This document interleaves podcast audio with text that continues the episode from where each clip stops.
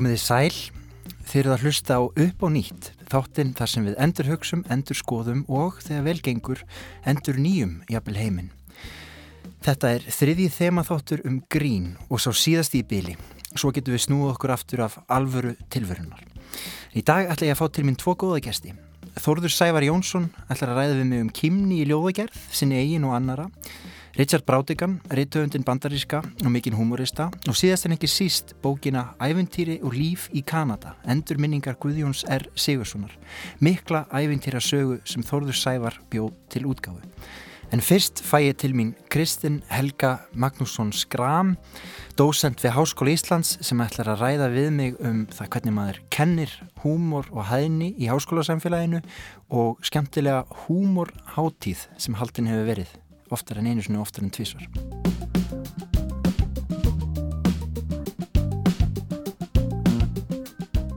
Kristinn Skram, dósend við Háskóli Íslands í þjóðfræði. Hjartalega velkomin í upp á ný.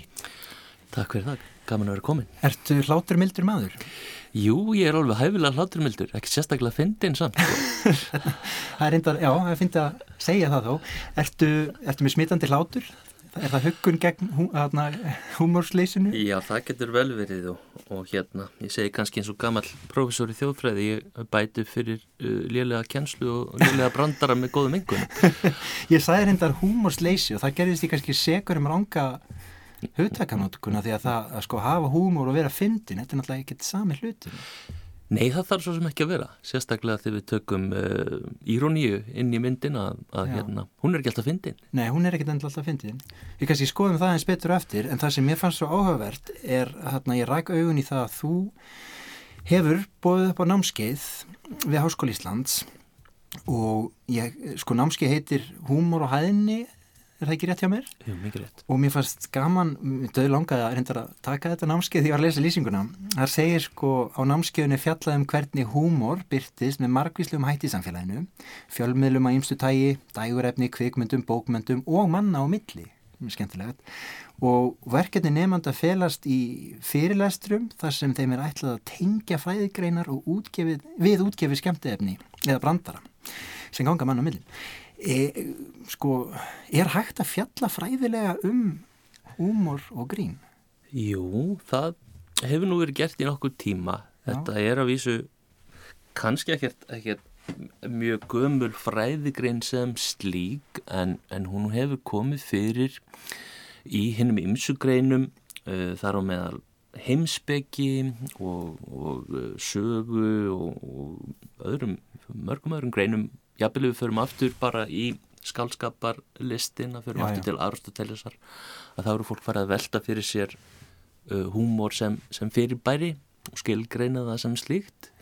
Og, og þar með talið í forleikúsinu að þar kemur komedian inn fullkomlega skilgreind og sem mannstæða harmleiksins. Harmleikurinn snýrað að hennu upphafna og þroskabraud manneskjunar en, en komedian að, að hennum lásettu og, mm. og það er að segja uh, svona, já, fátæklegum sálum svolítið og, og það er hleyið að þeim personum, þær eru svona, uh, þær eru lélegar og, og um, breyskar ah.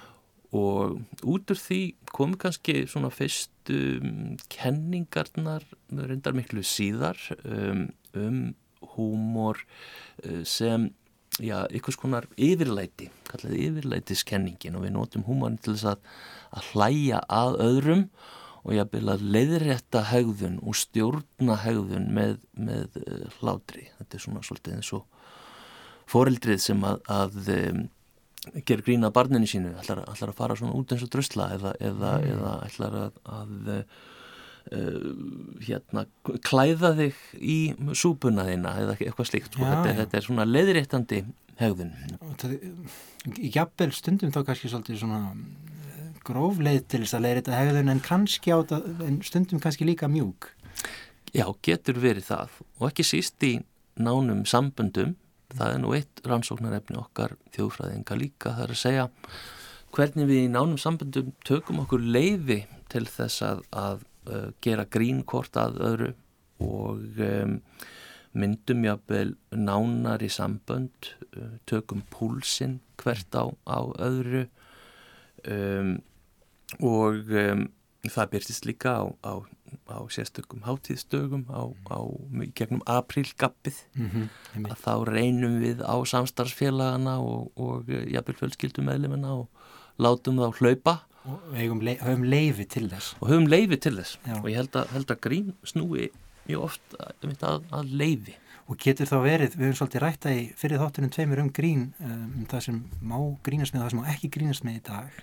Mm -hmm. og mjög áhvertu að segja þetta snúist um leifi og það hefur kannski færst til á svona einni árum að fólk hefur ekki leifi til að grínast með eins mikið af því að sko staða fólks er að styrkjast við það sko á jákvæðan hátt.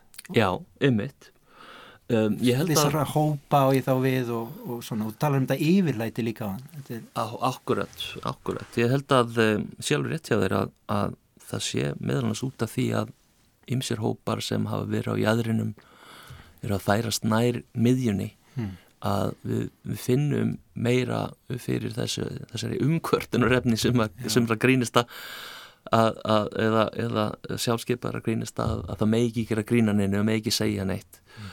og um, en auðvitað er þessi umræða mjög uh, uh, gömul og, og hefur verið uh, viðfangsefni í menningarpolitík mjög lengi um, voru forgrikkir að ræða þetta heldur?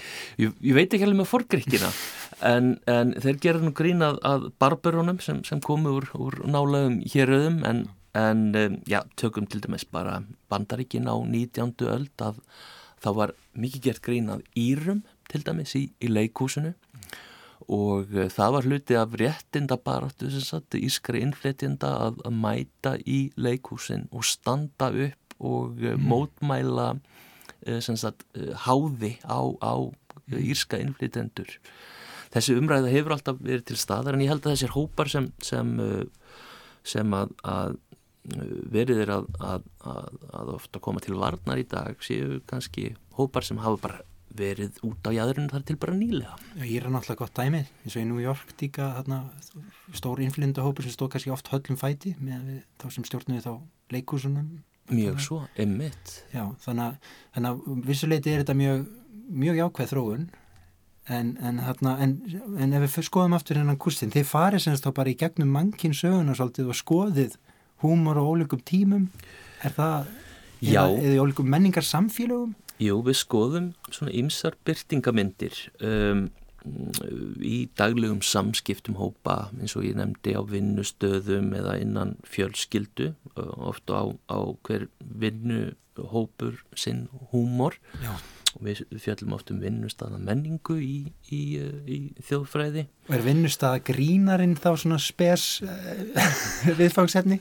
Já, hann getur verið það og, og eins uh, rekk flokkir um, innan vinnustadar sem oft eru til þess að, að výja um, nýjan meðlum inn í hópin uh, og reyna svolítið á hann.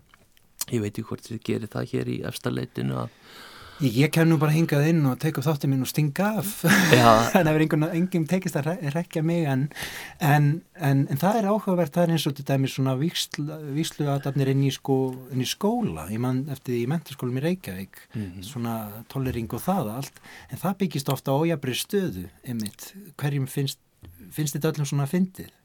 Nei, það er nú kannski myndi ekki. Þetta, þetta, þetta byggir á, á, um, á hópum sem hafa ólíka uh, valdastöðu og, og ég held að húmor snúist mjög oft um vald. Um, og við notum húmor oft til þess að, að hrista upp í valdarhlutvöllum en líka oft til þess að festa það í sessi.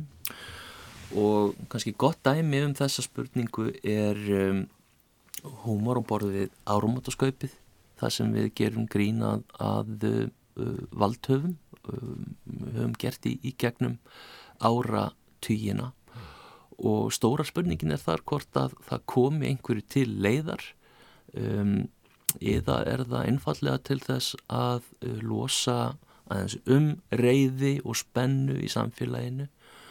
Og um, þar komum við að þessari uh, svona kenningu sem kannski sprettur svolítið upp úr Freud uh, og hans uh, rannsóknum að um, húmor sé spennurlósun og að um, þar séu við að tjá hvatir geta verið uh, aggressívar, kynfyrirstlegar við erum að tjá hvatir sem að, að eru annars um, undir ykkur skonar hömlum mm. samfélagsins mm. Og, um, og já það er alltaf ofinn spurning og, og, og eitthvað sem þarf að skoða í samingi hverju, hverju sinni hvort að við séum að, að í rauninni að breyta einhverju með, með uh, svona pólitískum húmor eða, eða einfallega að fá útrás uh, hverju sinni og, og svo heldur allt áfram eins og áður var. En þegar þú talar um sko komedíun og það er verið að hlæja að einhverjum erkitt svona típum mm -hmm. en við notum náttúrulega húmor líka til þess að hlæja saman og tengjast. Við megum ekki gleyma því. Einmitt.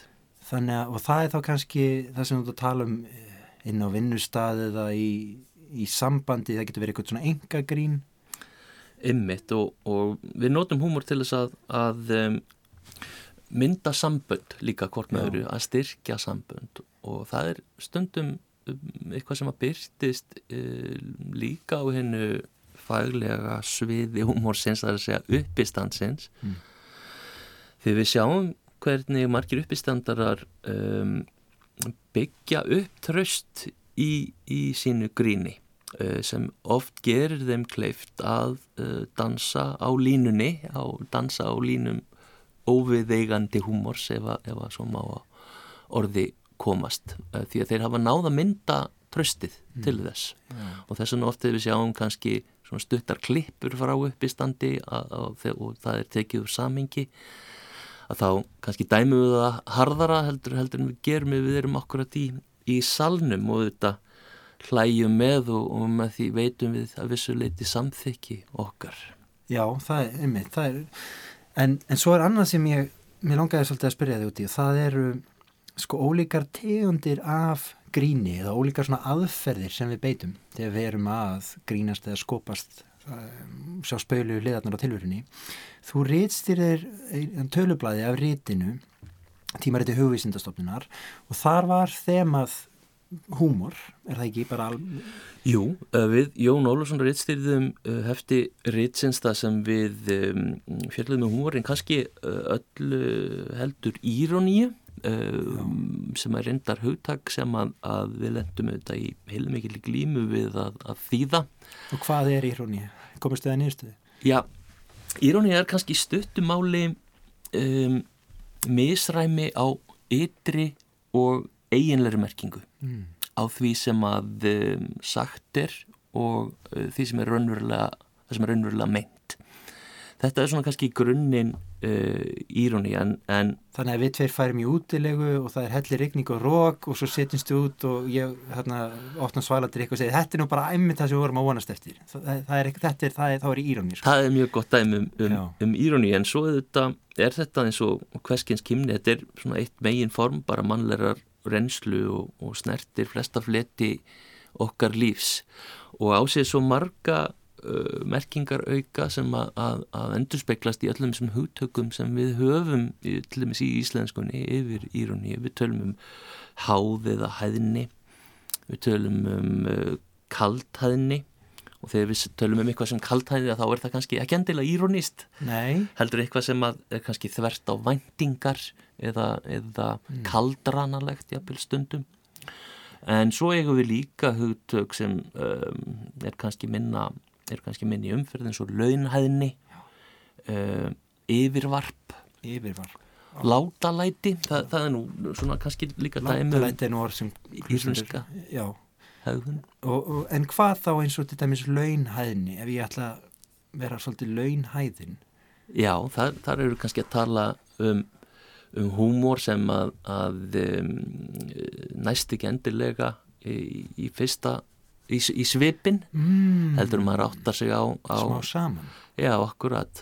Maður, maður hafi fengið sneið kannski á leðinni út úr herbygginu en, en svo er svo eru fleiri orð. Það er eins og, já, ólíkindi er náttúrulega svona já, bara með ólíkindum uh, hvernig útskýrir það sko innan fræðana já við notum ólíkindi held ég uh, mjög víða uh, það sem við köllum líka stundum bara bull og vilsu það getur einmitt verið það ekki líka til þess að, að, mynda sambönd til þess að, að, að slaka á í návist annara og það líka not- notað mjög mikið í, í myndlist. Um, og, og já, hverskins list. Er það þá jafnvel til að létta stemninguna eða er rosalega stíf stemning og einhver kemur og segir eitthvað kjánalegt og það er svona andalli léttar? Er það, það getur verið til þess og það getur líka verið til þess að, að eh, varpa ljósi á, á nýjar hliðar á, á um, uh, gömlum áskorunum. Mm.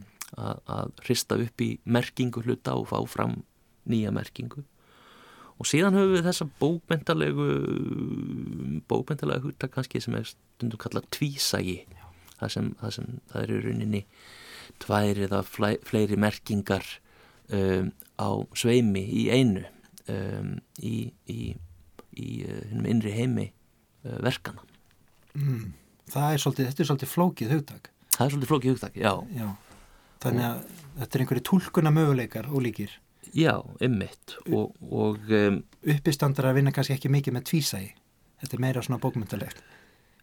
Já, Já, þó, þó, þó. þeir eru náttúrulega þeir, þeir spila oft þvert á væntingar. Já, og, og um, þar um, er um, kannski enn önnur kenningin líka á ferðinni sem er kenningin um misræmi. Já. það er að segja að um, okkur er, er komið og óvart með uh, svona hæfilegu misræmi. Það má ekki vera alveg út úr kú. Mm. Það þarf að, að uh, vera um, nokkurn veginn við hæfi eins og þegar að, að uh, hafnfyrðingar læðast í apotekunum þá er það til þess að veki ekki sveptöflun í, í því er, er, er ekki algjört misræmi en það, Nei, er, svona, nei, nei. það, er hæfilegt og ég byrst afsökunar að hafa að móðgað Við höfum áður rætt hafðfyrringabrandara og það, er það var tekið fyrir. Já, já, já, Við byggðist bara af, aftur afsökunar. já, vonandi verður ekki slöfæðir Nei, ég, ég held að það sé ekki nætt að því. En það er eitt annað sem ég langar að nefna við að ég sleppi er hérna, þú hefur komið nálat húmor þingum og varst eitt skipuleikenda held ég að sér rétt hjá mér húmor hátíðar á Hólmavík. Mm -hmm. Hvað er húmor hátíð á Hólmavík? húmor uh, húmorsþingið sem við köllum stundum á, á, á, uh, á ströndum er, er um, bæði fræðilegt þing og líka skemmtun fyrir heimamenn og, og gesti við fáum til okkar uppistandara á, á kvöldin og, og um, gerum svona um, pubquiz eða barsvar með, með gríni og uh, en höfum fræðileg málþing á daginn um, sem eru yfirleitt í opinni dagskrá. Og þetta er yfirleitt gert í tengslum við uh, námskeiði sem sett húmor og hæðni við, við þjóðfræði í Háskóla Íslands. Um, Það er svona blanda fræðum og skemmtun bara. Já, blanda fræðum og skemmtun og þarna komum við saman uh, gestir og, og heimamenn og komum til með að gera líklega núna á næsta ári þegar við, við kennum námskeiðið og, og blásum til húmorstings Ok, ég var bara alveg til ég að koma á húmorþing. Þetta var ekki alveg húmor fyrir því. Jú, það verið bara mikil húmor fyrir því, Sverrir, og þú, guð velkomin takk og takk Kristinn, skræðan fyrir að spjallaði með þetta, var mjög fróðlegt og skemmtilegt. Takk fyrir mig.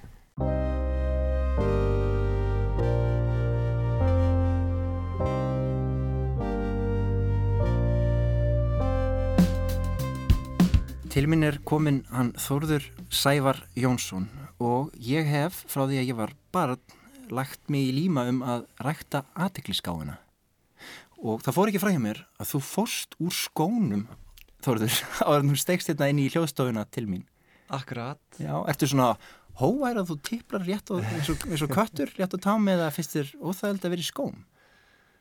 Já, það er þegar stórt er spurt sko, ég veit það ekki, ætli ég bara, ætli bara hérna, ef ég kennst hjá því að vera í skóm, þá bara sleppi ég það er engin ástæða til. Til að rista ekkert dýbra þannig Nei, sko. en heyrði, ég ætla, ég ætla að kynna þig fyrir þeim hlustundum sem kannast ekki nú þegar við þig. Þú ert ljóskáld og meðal, meðal annars og við höfum verið að tala um grín í upp og nýtt í síðustu þáttum. Og mér finnst það að vera kýmið ljóskáld og ég meina þá eins jákaðan hátt og hægt er að mér finnst þú bæði vera ljóðrætt en mér finnst þú líka oft sjá svona aðeins spauilegar og skemmtilega liðar á tilvörinni Ertu samanlega þessu? Um, já, eða sko, Já, þegar stórt er spurt, sko. Já, þetta er, sko, þetta er, nú, þetta er nú ekki beint svona meðvituð ákvörðum þegar ég sest niður að yrkja að nú ætla ég að vera kými. Nú ætla ég að slá á, nú ætla ég að kýtla hlátutögunar. Nú ætla ég að slá á létta strengi.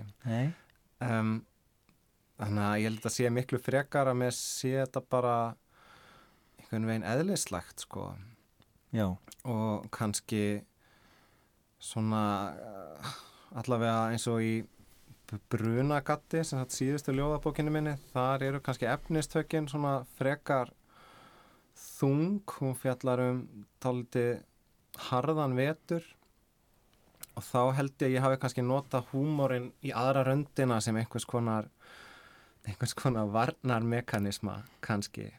Sem er eiginlega leiðarstef í umræðinu um grín hérna upp og nýtt að þetta er oft einhvers konar skjöldur eða leið til að vinna úr Já. þingslum. Já, algjörlega.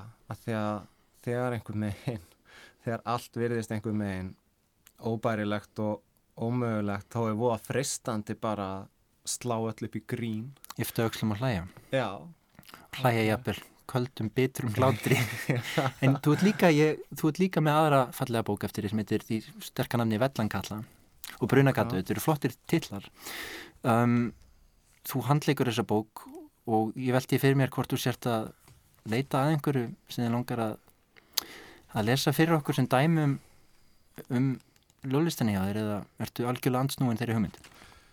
uh, nei ég, ég er alveg til í það um, kannski byrja á einu stuttu ljóði og kannski vel við hæfi svona því ég myndist á brunagatt og, og frost og kulda og svona í ljósi þessa þetta er alltaf bresta á sko það er núna Nei, nei.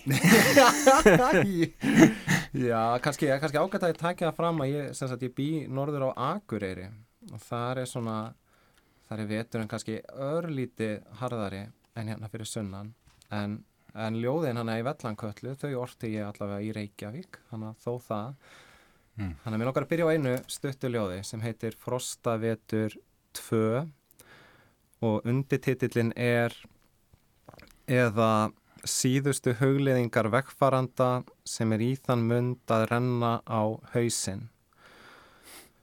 Hið nýtilkomna fótfestu leysi vekur mér ugg. Svo mörg voru þau orð. Já, Mm. þetta, þetta, þarna ertu nú svolítið að, eða svona, já, gantast er ekki rétt orðið. Þetta er líka velta fyrir sér sko orðaforðanum yfir ólík blæbriði, gríns, kýmni, nittni. Já.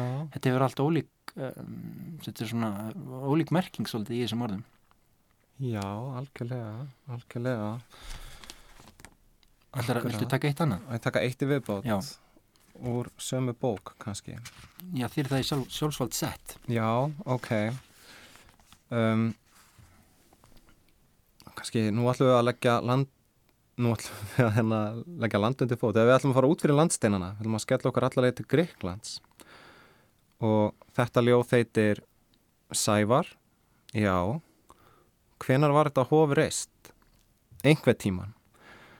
Fyrir langa, langa, langa, löngu, löngu, löngu, löngu, löngu fyrir þína tíð, fyrir Ingólf, fyrir Jésu, einhver tíman um það leiti. Úf, mér fannst þess að fortið rindi yfir mig þegar ég hlustaði á þetta. Akkurat, akkurat. En ég, ég reyndar, mér langar að mefna það áður en lengri haldið að svona ástæðan fyrir að, að því að þú ert inga komin er ótrúlega sérstæð og skemmtileg bók sem heitir Ævendir og lífi í Kanada, endur minningar uh, Guðjóns R. Sigurssonar, sem sagt, þessi skemmtilega bók sem er að koma út og þú bjóst hana til útgáfu. Og við ætlum, við ætlum að ræða hana á eftir en ég get ekki fyrst ég komið með hingað í hljóstofuna um, slefti að nefna þitt ötulega þýðandastarf. Þú hefur verið að þýða bækur eftir höfund sem ég hef haldið mikið upp á bara frá því að ég var úlingur sem heitir Richard Brátikan bandarískur höfundur og er mjög sérstæð, sérstæður er einmitt fyndin höfundur en líka reyfir mikið við manni tilfinningarlega um, og hann er reyndar vel þýtt, hann hefur verið mikið þýtt eftir hann um, á íslensku. Girður Eliasson hefur þýtt eftir hann uh, nokkrar bækur, fjórar minni mig mm -hmm. og þú þýttir uppáhaldsbókinu mín eftir hann Hemd grasflatarinnar svo líka held ég hérna á Villard og Keilu byggararnir hans og svo reyndar uh, þriðja bókin Já, hún heitir Hawkline Skrimsli Emitt, sem ég er hún er hérna í klóm föðu míns þess vegna tók ég hann ekki með. Nú já, já, gott og vel. Um, Hefur hver er Richard Brautigan og hefur hann mótað þig sem höfund og mannesku og, og, og hversna valdur að þýðan?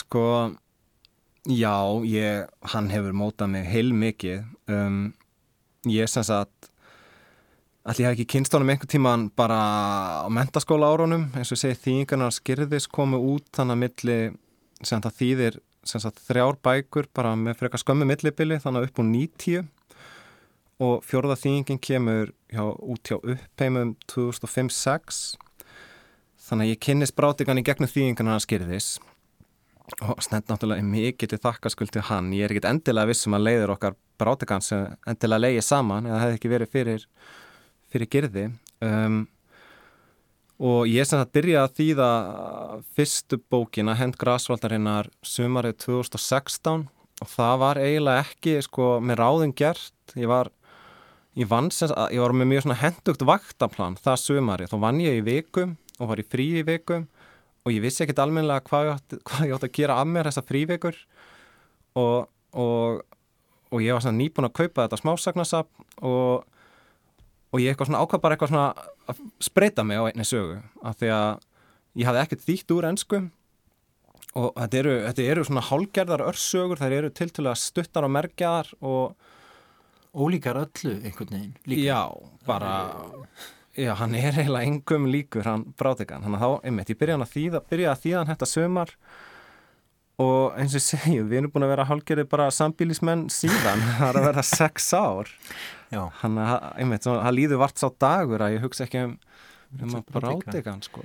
Nei og hann er kannski svona lúmskur áhrifaldur í íslenskum bókmyndum. Meðal annars kannski þakk sé gerði eh, eitthvað hafði kannski verið þýtt að ljóðum eftir hann áður en gerðir hástanda, gerðir hefur þetta þýtt ljóð eftir hann líka mm -hmm.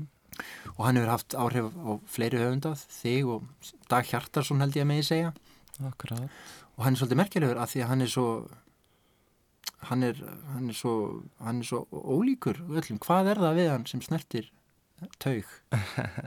Þú náttúrulega bara þú orðar þetta nú ágætla á þann sko að hann einhver meginn, þetta er svo ótrúlega fínt jafnvægi milli milli húmos og trega mm. ég las einhver staðar og það er svona skemmtilegsta lýsingin sem ég lesi á Brátikan að hann væri hvað 80% brjálaðislega fyndin og 20% bara ótrúlega tragískur mm. og, og, og þessar einhver með þessar tilfinningar, þessar kendir, það er einhver með vega salt og, og það er þetta ótrúlega jafnvægi sem, sem er hérna ótrúlega svona aðlagandi og, og hérna og enni með síðan eins og ég segi bara, veist, það er enginn finnari en Brátigan þegar Brátigan er upp á sitt besta þegar hann rekkur í gýrin sko. Að því hann áða líka til að að svona sumar skaldsögunar eru galsafengnar en aðrar. Þegar hann rekkur í hennar gýr þú veist þá bara mm. þá er hann bara gössamlega óborganlega fyndin sko. Og hugmyndaríkur en það er kannski líka þetta gaman sem er verður svona lítilsverði eða er ekki einhver svona grátklökkur tótt sem er svona heyrist slegin sko um leið eins, eins og þessi formúla sem þú nefndir. Og mér finnst eins og alltaf í verkum Brátikans sé einhver deburð og hann var náttúrulega mjög dabur maður og átti daburleg endalók Já, hann var bara bara mjög vansæll og átti einhver meginn og brattan að sækja bara alla tíð í rauninni sko, hann ólst upp við bara mjög sára fátækt um, og rótleysi og, og, og hérna hann er bara ungu piltur skömmu eftir kreppuna miklu og síðan bara síðan er hann bara þar er hann að díla við bara alkoholisma og, og geðranna sjúkdóma og, og þunglindi og, og hérna þannig að þetta var bara já, síðan svift hann sér lífi 49 ára gammal þannig að í rauninni æfihlaupið er að mörguleiti bara mjög tragist sko. Og þó naut hann mikillar velgengni að um skeið. Já, hann, hann svona hann slæri gegn með skáldsögunni Silungsveið í Ameríku sem gerðir þýtti en síðan er það svo merkilegt að allt sem að skrifaði upp frá því það í rauninni vakti enga sérstaka eftirtekt í bandaríkjónum og hann var einhver megin bara daldi afskrifaður þar sem bara einhver, einhver svona einhver, ég veit ekki hvað bara einhver svona annarsflokks höfundur. En en svona enginn er spámaður í eigin föðurlandi, hann var alltaf sem sagt, hann naut alltaf alveg svona ábyrrandi mikill að vinsælda í, í Japan og í Fraklandi og enn þann dag í dag í Fraklandi hafi verið að gefa hann út bara hverju ári.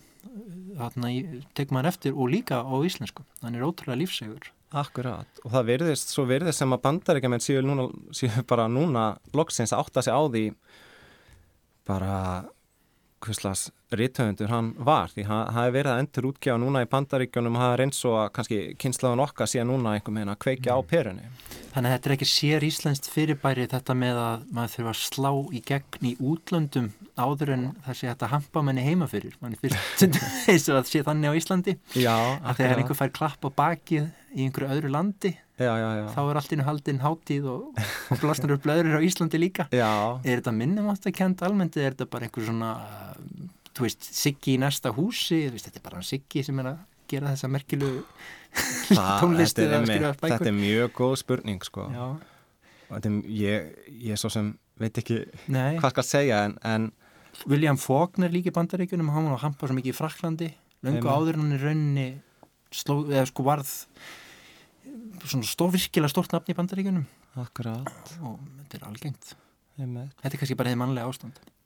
Ég, ég held það, segi mér það. En þú, þú laðast greinilega svolítið að um, mönnum sem feta ótróna slóðir. Já, já, hann, hann er þú er kannski ekki hugsað þetta Nei, ég hef ekki leitt hugan að því en svona þegar þú minnist á það Já, kannski- þetta er eitthvað sem svona ég tek eftir og ef við hérna, snúum okkur þá að þessari fallegu hérna, stóru bók Ævendur og lífi í Kanada Endurminningum Guðjóns er Sigurðssonar sem þú bjóstur útgáfun Já, um, sko það er, ég veit að það er svolítið forsaga að þessu. Mm þú segir okkur aðeins fyrst hver, hver var þessi Guðjón. Hven, hvenar var hann uppi og hvar? Já Sko, Guðjón er Sigursson hann fættist 1903 í austu skaftaðarsíslu og lést 1991 um, tveimu vikum eftir að, að hann sagt fæðist þá, þá sigla fóreldrarna hans og sískinni vestur um haf og skilja hann eftir hjá sagt uh, frændfólki í austu skattaðalsíslu og hann sagt bara elst upp þarna í sveitinni og þegar Guðjón er orðin rúmlega tvítur þá best honum bref frá föður sínum allarleið frá Kanada þar sem hann byður Guðjón um að bara pakka í tösku og henda sér vestur um haf. Og þeir þekkjast í rauninni. Þeir þekkjast bara ekki, ekki neitt ekki neitt. Og, og Guðjón, æfintýra maðurinn sem hann var, hann bara hann bara kýlir á það og það vælist sem sagt leggur af staði þessa massífu reysu og, og fett til Kanada og það er árið 1920 og 5 þegar hann er 22 ára gammal og hann sem sagt fyrir hann að hitti föðu sinn og hvort bróð, allavega bróður hans var hana líka. Og sem sagt móðir hans ljast skömmu eftir að þau komu til Kanada. Þannig að það eru svona þess, eh, þessi reysa hefur kannski hún hefur augljóslega tekið sinn toll. Og Guðjón sem sagt hittir hana pappa sinn og minna þeir eru nota bene, þetta er bara einhver blá okkunnu náungi sem hann aldrei sé áður. Og var ekki líka búið að vara Guðjón við honum að hann svona þrælaði fólki út og Já, sko, hann var líka á einhverju þetta var einhver óttalega ómerkileg jörð sem hann átti og pappa hans hafði ekki náð neinum tökum á ennsku Hafa, já, hann bara með Íslandingarnir, þeir heldur bara hópin og hann, lær, hann kunni enga ennsku og ég man að hafa mikið svekkelsi á Guðjóni að, að fadir hans hefði ekki getað hjálpað hann með það.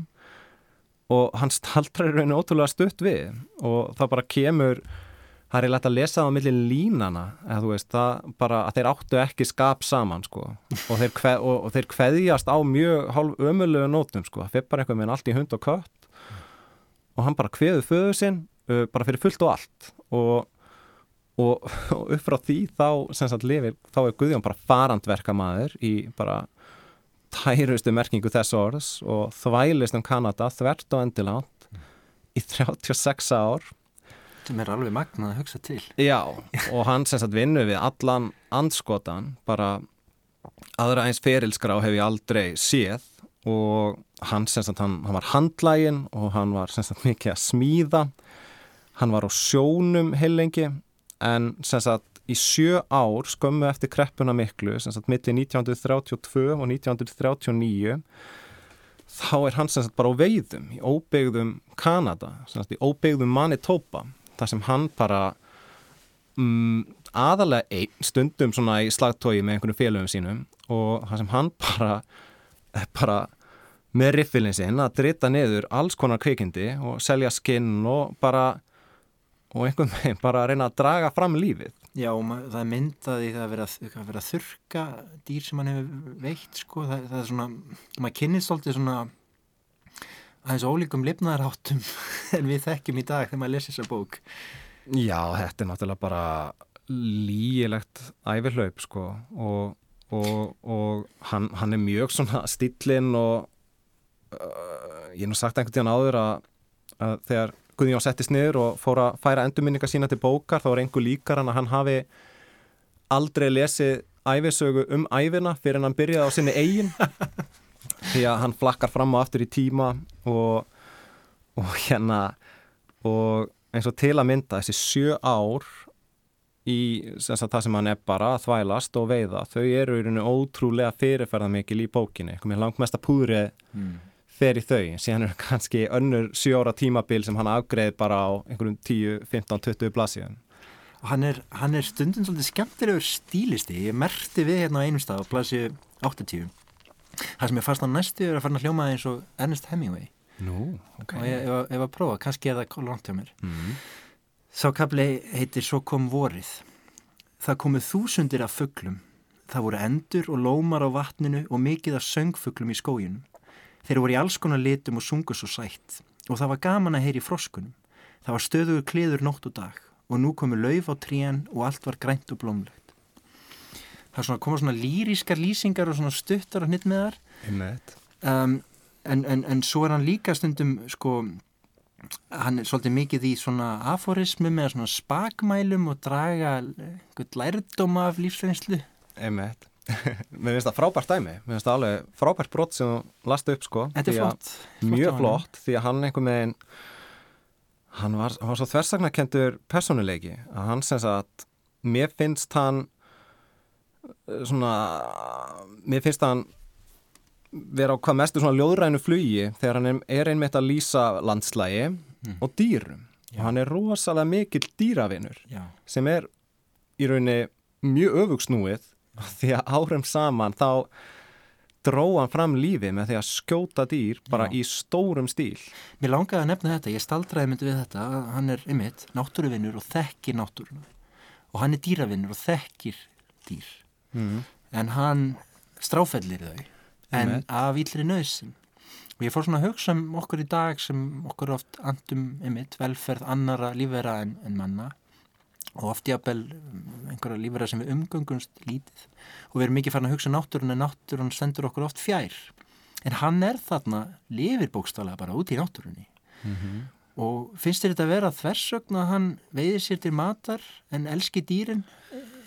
Ber hann ekki bara virðingu fyrir dýrunum og því sem þau Jú, hann gerir það og, og það fer ekkert á milli mála í bókinu og hann segir það oftar en einu sinni að hann, sagt, hann drefur þessi dýr bara með óbræði munni, bara Já. algjörlega af yllri nöðsin og, og það líka leynir sér ekki í þessum endurminningum að að náttúrulega bara örbyrðin og neyðin og fátæktin og bara ástandi þannig að eftir kreppuna miklu á þessum tíma hún er, hún er algjör mm -hmm.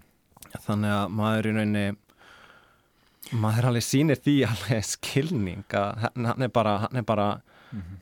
hann er bara maður bara að, að bara bjarga sér Ég, ég, ég man líka, ég hildi með aðeins þegar ég las lýsingu þess þegar hann er enn á Íslandi og hann er eh, á einhverjum dalli minni mig og hann er, er allir með einhver svona sitt eigi nesti, svona skrínukost og ég man ekki hvað þetta er, hvað þetta er slátur og rúbröð og hann segir sko fljótt, þetta var fljótt orðið bara miklað hjá öllum og þeir voru þarna í einhverjum veldingi á einhverjum dalli, allir með einhverjum miklað nesti mm -hmm.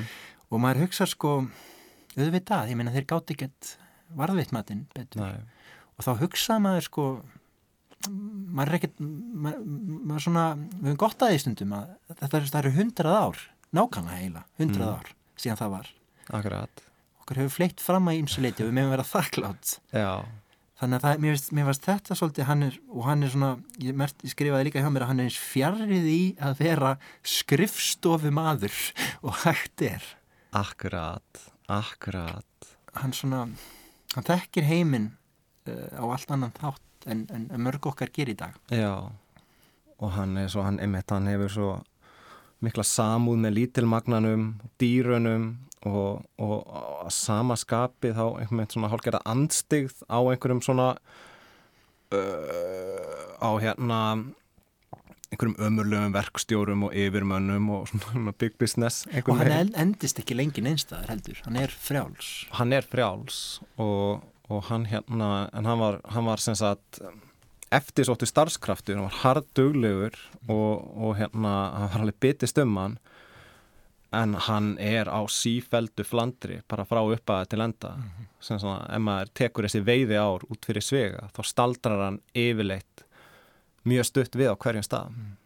En kannski svona aðeins til að uppfræða hlustundur, hvernig rak þetta handrit eiginlega á fjöru þínar og í hvers konar ásökkomulagi var það? Því að hann rítar þessar endurminningar sínar. Um, hvaðan kom þetta? Dætti þetta dægin bara í hausinuður og heiskir í lofti? Eða hver er forsaðan að því að þú tekur aðeir í rauninni að rítstýra að búa þetta til útgáð þetta, þetta stóra handrit, bóku upp á hvað, 400 blassir? Já, einmitt. Um, það er sko það er, það er önnur flækjusaga sko. Og, og ég kem inn á, inn á það í formálanum en þetta er í rauninni bara röð í rauninni bara röð tilviljana sem, sem enda til þess að þetta handrit bara endar hjá mér. Um, en svona stutt átgáðan þá er það sem að hösti 2018, ég ætla að séu nánast bara slett fjögur ár síðan, réttur um fjögur ár þá sem sagt uh, flytt ég og fyrirverandi kærasta mín til Hafnar í Hortnafyrði um, ég fyrir að vinna á bókasafninu. Hún tekur við listasafni Svavas Guðnasonar. Og Guðjón sem sagt hann er hvað þekktastu fyrir uh, svona trjastittur sem hann skar út. Hann var sem sagt á vesturfari og svona alþýðu listamæður eftir að hann flutti heim frá Kanada þá fór hann að tálka út þessar stittur og málaðir af, af hérna köllum og konum og og hann skar út kistla og kirk, kirkjur og bara allt mögulegt sko. Og, og, það, sagt, og það stendur til að gera svona yfirlitt síningu á útskurðinum að Skuðjóns og síðan er það bara einhvern einhvern daginn, þá er sem það þá eru Þorgunur og kollegur hennar eitthvað að rappa saman inn á skrifstofum um þessa síningu fyrir þessa fyrirhugu síningu og gamall starfsmæður menningamistæður Hortnafjörðar á leið þjá bara fóð sér kaffibólla og leiðin í netto eða eitthvað. Og, og hann hérna hann eitthvað svona sperrir eirun og, og segir síðan eitthvað, já, heyrðu, hérna, ég er með ógefnar endurminninga Guðjóns bara í skúfunni heima hjá mér, er það eitthvað sem þið getur haft nota af, er það eitthvað sem þið viljið kíkja á? Og ég man að Þórgunum bara rakan heim bara með þetta samme, sko.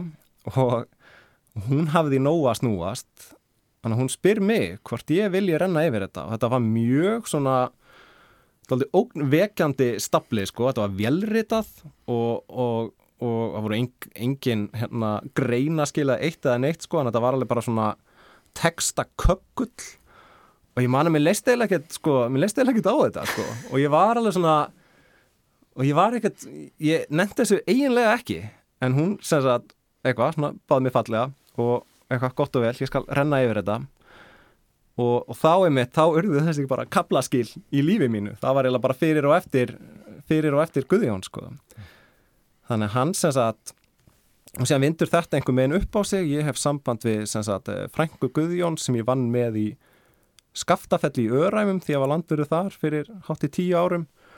Og hún grefur upp sem sagt um, um, bara upprunalega handskrifaða handritið sem Guðjón skrifaði í fimm gormastílabækur 660 blastíður og síðan, og ekki nóg með það þá kemur sem sagt uh, þriðja handritið upp úr kafinu og það eru sem sagt endurminningar Guðjóns á ennsku um, og þá er þetta sem sagt allt í einu orðin uh, þriðju personu frásögn, þá er þetta sem sagt endurminningar Guðjóns á ennsku dulbúnar sem skaldsaga fyrir ennskumælandi lesendur. Þannig að þessi þessi hérna handritasaga er í rauninu alveg líileg sko.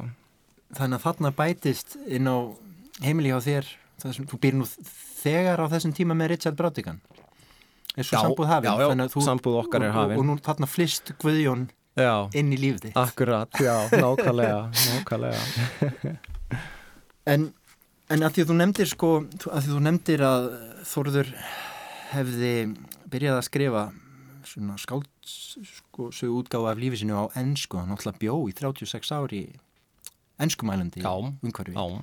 mér er svolítið skemmtilegt að fýða í handritinu. Þá er stílinn svolítið svona ennsku skotin, þú kannski eitthvað búin að snikka þetta til og laga. En hann talaði til dæmis um að skjóta mús og fara á músveiðar og að skjóta mús á íslensku mm -hmm. að vera að tala um elg Akkurat. en það er svona skemmtileg tvíraðinni Akkurat. og hann, öðrum stað segir eitt bjartan og kaldan dag sé ég hópa af caribou Akkurat. Þurfti, hvernig var máltilfinningin hjá þessum manni? Sko, sko, hann eiginlega, ég held sveimir þá að hann hafi verið réttfærari á ennsku en íslensku og handritið mjög ennsku skoti og, og það var svona, það var svona eitthvað sem ég þurfti að pæla dálítið í, hversu mm. mikið ætla ég að, ætla ég að Veist, á ég að breyta þessu, á ég að leiða þessu að halda sér mm. og ég einhver menn, ég vildi bara stilla því algjört hóf sko. að breyta ég, já að breyta, þannig að þetta þannig ég breyti ennsku skotið og eitthvað svona ennsku skotið, vesturfara orðalag, það bara fekk að halda sér og eiginlega uppáld stæmið mitt úr bókinni þá þá, þá skýtur hann skýtur hann moskróttur það er líklega það dýr sem hann skýtur í hvað stæstum stíl, moskróttur mm. og ég hef með svona, held ekki í þessu. Og síðan þegar hérna bara þegar hérna þessi vinna var komið svona setni stig og hugsaði með mér eitthvað moskróta þetta er eitthvað dula þetta, þetta getur ekki verið íslenska. Þannig að ég kíkt á snöru og fletti þessu upp og þá kemur á daginn að moskróta er bara muskrat á ennsku mm. og sagt, íslenska þýðingin er, er bísamróta Já, glöggir lustendur þekkja nú. Já, já, já, og ég, sko, ég er það mikill aðdáðandi múmínálvana mm. að ég hugsaði með mér bara það er ekki fræðilegu möguleiki að Guðjón skjóti bísamróttur á minni vakt. Þannig að ég ákvað áka að leifa því að halda sér. Þannig að hann, það eru moskróttur alveg bara, það er skjót upp kollinu mjög reglulega Þannig að þú, þú tókst svona vel ígröndið ákvörðun í hvert skipti eða svona þegar þú varst að fara yfir textana. Já, Já. þannig að ég með moskróttur og... Ég, ég ætla nú bara að úrska þér sko, hjartanlega hamingu með að hafa lokið þessu stóra verki að því ég veit að þú hefur syndið þessu um langar hríð og ég ætla ekki að nýnda þækjafærið bara að hvetja hlustendur til að kynnast honum Guðjóni æfintir og lífi Kanada en að lokum þá langar mig að fá þig til að klikki út með um, öðru kvæði frumsömdu eða eftir annan höfund. Þú hefur algjörlega frálsar hendur Þóruður Sævar. Já. Þú mátt samt ekki láta frelsið lama þig. Nei, ég skil, gott og vel. Um, Ég var nú búin að lesa eitthvað þannig úr vellankvöldu þannig ég má nú til með að lesa kannski eitt ljóð eftir hann Brátikan félaga minn. Sem var frábært ljóskáld líka við meðum ekki gleyma því að nefna það. Frábært ljóskáld, hann var ekki síðra ljóskáld en skáldsaknahöfundur og þetta er úr ljóðabókinni 30. júni 30. júni sem þú þýttir. sem ég þýtti og kom út hjá tunglinu forlægi í fyrra. Og þetta er svona ljóðuræn ferðadagbók Brátegans í Japan. Hann sem sagt dvaldi daldið í Japan, hann átti mér að segja japanska eiginkonu um hríð og, og þetta er svona ljóðabók yfir það sem dreif á daga Brátegans í Japan um, í sagt mæ og júni 1976 sex vikna ferðalag. Og þetta ljóð heitir það sem hægt er að taka sig fyrir hendur á hóteli á leiðinlegu kvöldi í Tókjó Númer eitt Borðaðu kvöldmat einsamall. Það er alltaf heljarinnar fjör. Númer tvö. Ráfaðu stefnulaust um hótelið. Þetta er risastort hótel svo það er nóga plássi til að ráfa stefnulaust um. Númer þrjú. Farðu upp og niður með liftunni, algjörlega ástæðuleysu. Fólkið sem er á uppleið ætlar í herbergin sín, ekki ég. Fólkið sem er á niðurleið ætlar út, ekki ég. Númer fjögur. Ég er að gæla við að ringja í herbergi mitt númer 3003 og láta síman ringja mjög lengi. Veltaði síðan fyrir mér hvar ég sé og hvenar ég komi aftur. Ætti ég að skilja eftir því skilabóð í móttökunni að ég eigi að ringja í sjálfan mig þegar ég kem aftur. Tókjó, 7. júni 1976. Þorður Sævar Jónsson eh, ljóðskáld, þýðandi um, vendar engill og réttstjóri Guðjóns R. Sigurssonar hjartans þakki fyrir að koma í upp og nýtt og rappa við mig. Já, takk fyrir mig.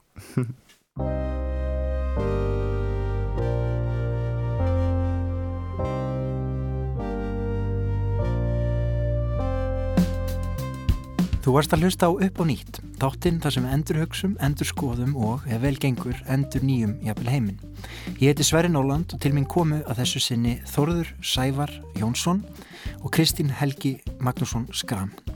Upp á nýtt er á dagskrá á hverjum sunnudagsmórni upp úr klukkan nýju og enn fremur aðgengilegur hvenar sem þeir hendar í spilararúf.